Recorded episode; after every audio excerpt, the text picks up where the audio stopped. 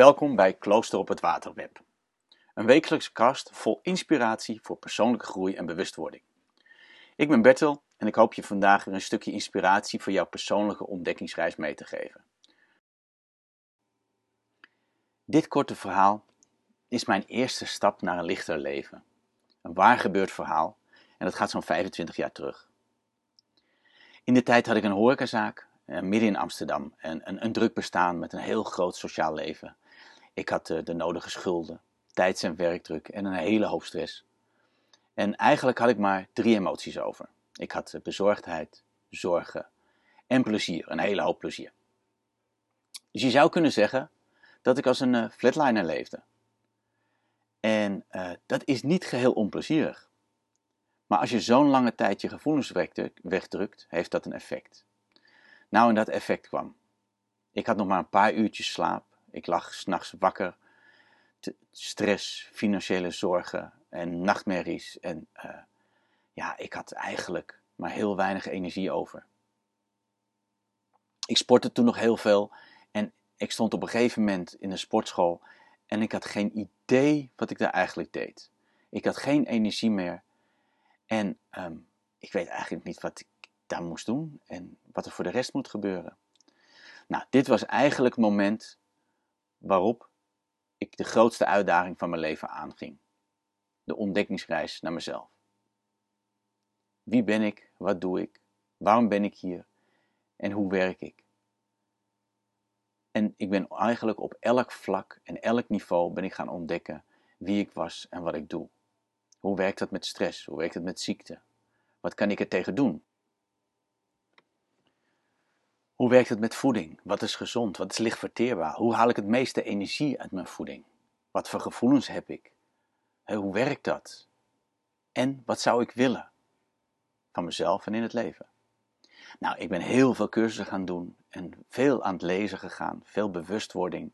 En daardoor ben ik de werking en de effecten van mijn emoties en mijn gedragingen gaan ontdekken. Zo ontdekte ik dat er in plaats van drie emoties een heel scala was. Ik leerde hoe het onderbewustzijn werkte. Het onderbewustzijn met de al daarin opgeslagen programma's.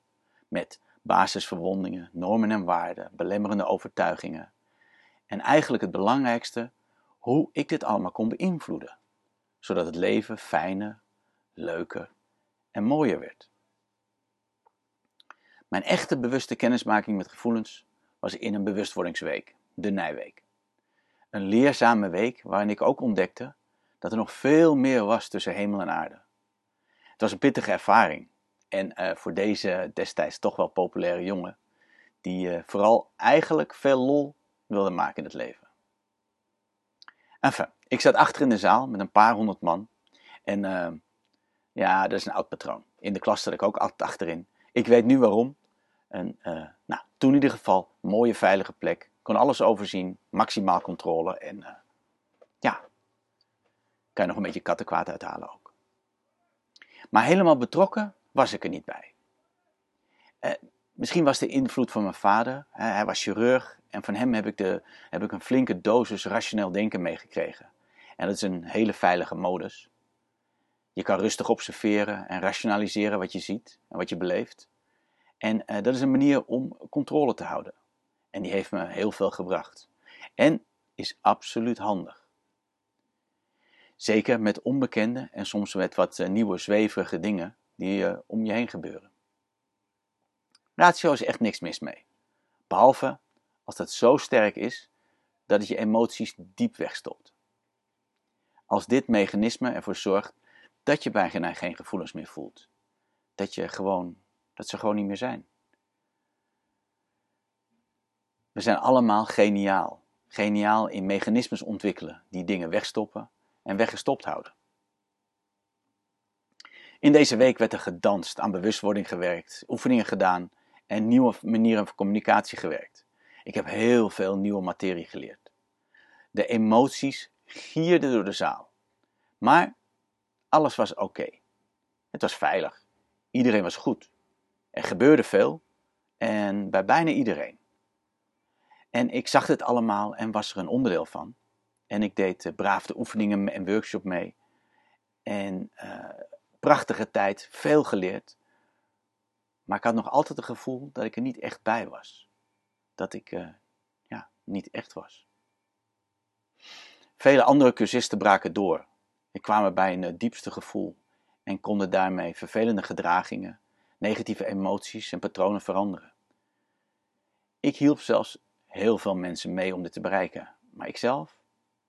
Nee, er gebeurde niet veel. Begrijp me niet verkeerd, hè? Ik had plezier en ik leerde heel veel. En ik had heel veel inzichten en een hele goede tijd. Maar ik had het wel het gevoel alsof er een, ja, soort dik gordijn om me heen gewikkeld zat. Ik werkte aan mezelf, we hadden mooie meditatiesessies en ik leerde hoe je informatie uit je onderbewustzijn kon halen. En dan dit integreren en veranderen. Ik leerde hoe je zaken binnenin je kan veranderen. Ik had hele mooie gesprekken en coachte echt velen om me heen. Er ontstonden mooie vriendschappen en ik voelde me kiplekker. Ik kon zijn wie ik wilde zijn. Alles was goed, alles was veilig. De gevoelens die ik hier voelde waren al veel meer dan ik ooit ervaren had. Want in mijn leeftijd van 12 tot en met 30 jaar had ik eigenlijk alleen nog maar in mijn ratio geleefd. Dus dit was een aardige vooruitgang. Maar nog steeds, bij alles wat ik meemaakte daar, had ik het gevoel dat, ik, dat er een deksel op zat. Ik kon niet echt diep gaan. En de vraag was: wat is er toch met me aan de hand? Was ik echt zo oppervlakkig? Ben ik echt zo'n saaie dodo met een muur om me heen? Ja, leuk, gezellig, altijd in voor een lolletje, een grapje, lekker dansen, los, vrij. Maar emotioneel gezien, ben ik echt, uh, ja, afgesloten? De week vorderde en de een na de ander had een breakthrough. Nou, ik niet hoor. Ik had gewoon een leuke en leerzame, gezellige tijd. En ja, ja, wat? De laatste dag brak aan en er gebeurde eigenlijk nog steeds niet veel bij me.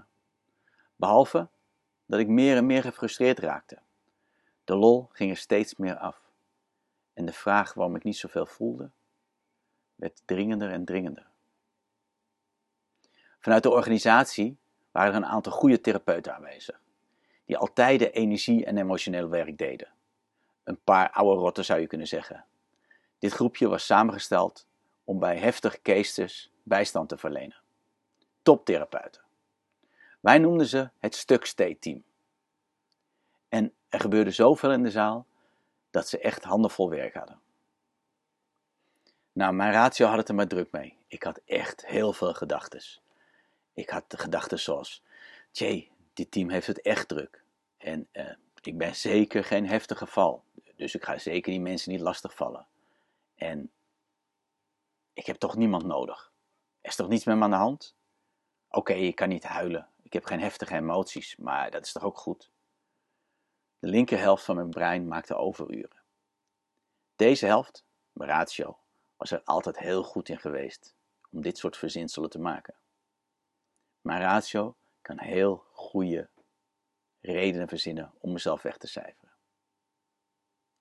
Ik deed gewoon verder mee met het programma, maar de spanning bouwde zich langzaam maar zeker in me op. De tijd begon te dringen. Want deze week is zo weer afgelopen. En dan? Dan moet ik het allemaal weer alleen doen. Hmm. Het werd vrijdag, de laatste dag van deze mooie en onvergetelijke week. Nog steeds geen grote veranderingen bij me. Heftige gevoelens? Nou, die had ik zeker niet. Maar ik bespeurde wel meer en meer onrust. En een vorm van frustratie. Wat is er toch met me aan de hand?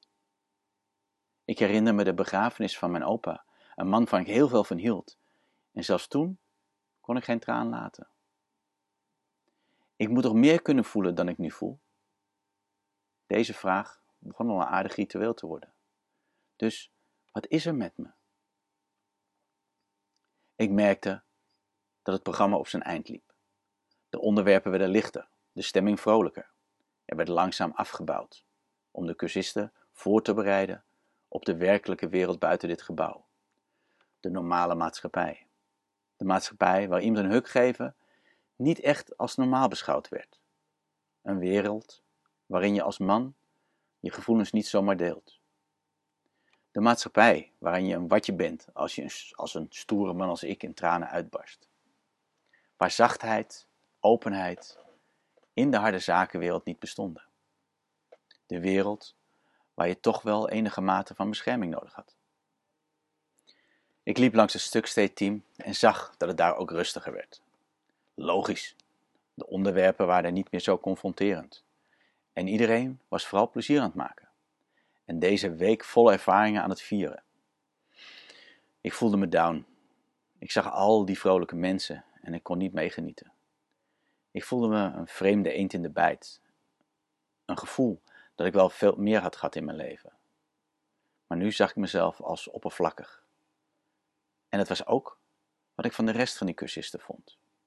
Hoe konden die mensen zo vrolijk en oppervlakkig zijn? Ik trok me meer en meer terug van het feestgedruis en liep met mijn ziel onder mijn arm. Ik stond op een afstandje naar de mede-cursisten te kijken en stond vlak bij de kamer van het stuksteedteam. Het was nu of nooit. Ik nam een sprong, een echt allerlaatste kans om duidelijkheid te krijgen, om van iemand te horen of ik nu echt zo vreemd was. Voordat ik het wist, had ik de deurknop in mijn hand en ik stapte de kamer binnen. Daar zat een gezette dame op leeftijd, die me vriendelijk en warm aankeek. En ik denk dat deze lieve, hoge, sensitieve vrouw niet zoveel inzicht nodig had om te zien dat de nood hoog was. Ze klopte op de zitting van de stoel tegenover haar. Toen ik tegenover haar zat, vroeg ze me, terwijl ze met warme, moeilijke ogen aankeek, waar ze me mee kon helpen. Ik wilde vertellen dat ik niet wist hoe ik mij bij mijn gevoel kon komen. Dat ik zo weinig voelde dat het absurd was. Ik wilde van alles zeggen, maar er kwam geen woord uit mijn keel. Er kwam niets, behalve een intens verdriet gevoel. Ik schoot helemaal vol. Ik voelde zo'n verdriet als ik nog nooit had gevoeld. Van onder, uit mijn tenen, door mijn hele lichaam. Het enige wat ze deed, ze stak haar armen uit en ze pakte me vast. En ik? Ik heb echter als een klein kind zitten huilen. Ik, een volwassen man die geen uitdaging uit de weg deed, gevaarlijke sporten deed, weinig angst had, een druk bedrijf, een stoere man. En ik zat gewoon te huilen. En ik kon het niet loslaten. Ik probeerde mezelf te herpakken om haar los te laten en rechtop te gaan zitten. Ik kon het gewoon niet. En ik wilde het niet. Dit was mijn eerste huilbui in 30 jaar. dat was echt heftig.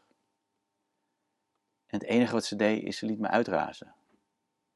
Ze leidde me met haar zachtheid door deze ja, emotionele storm.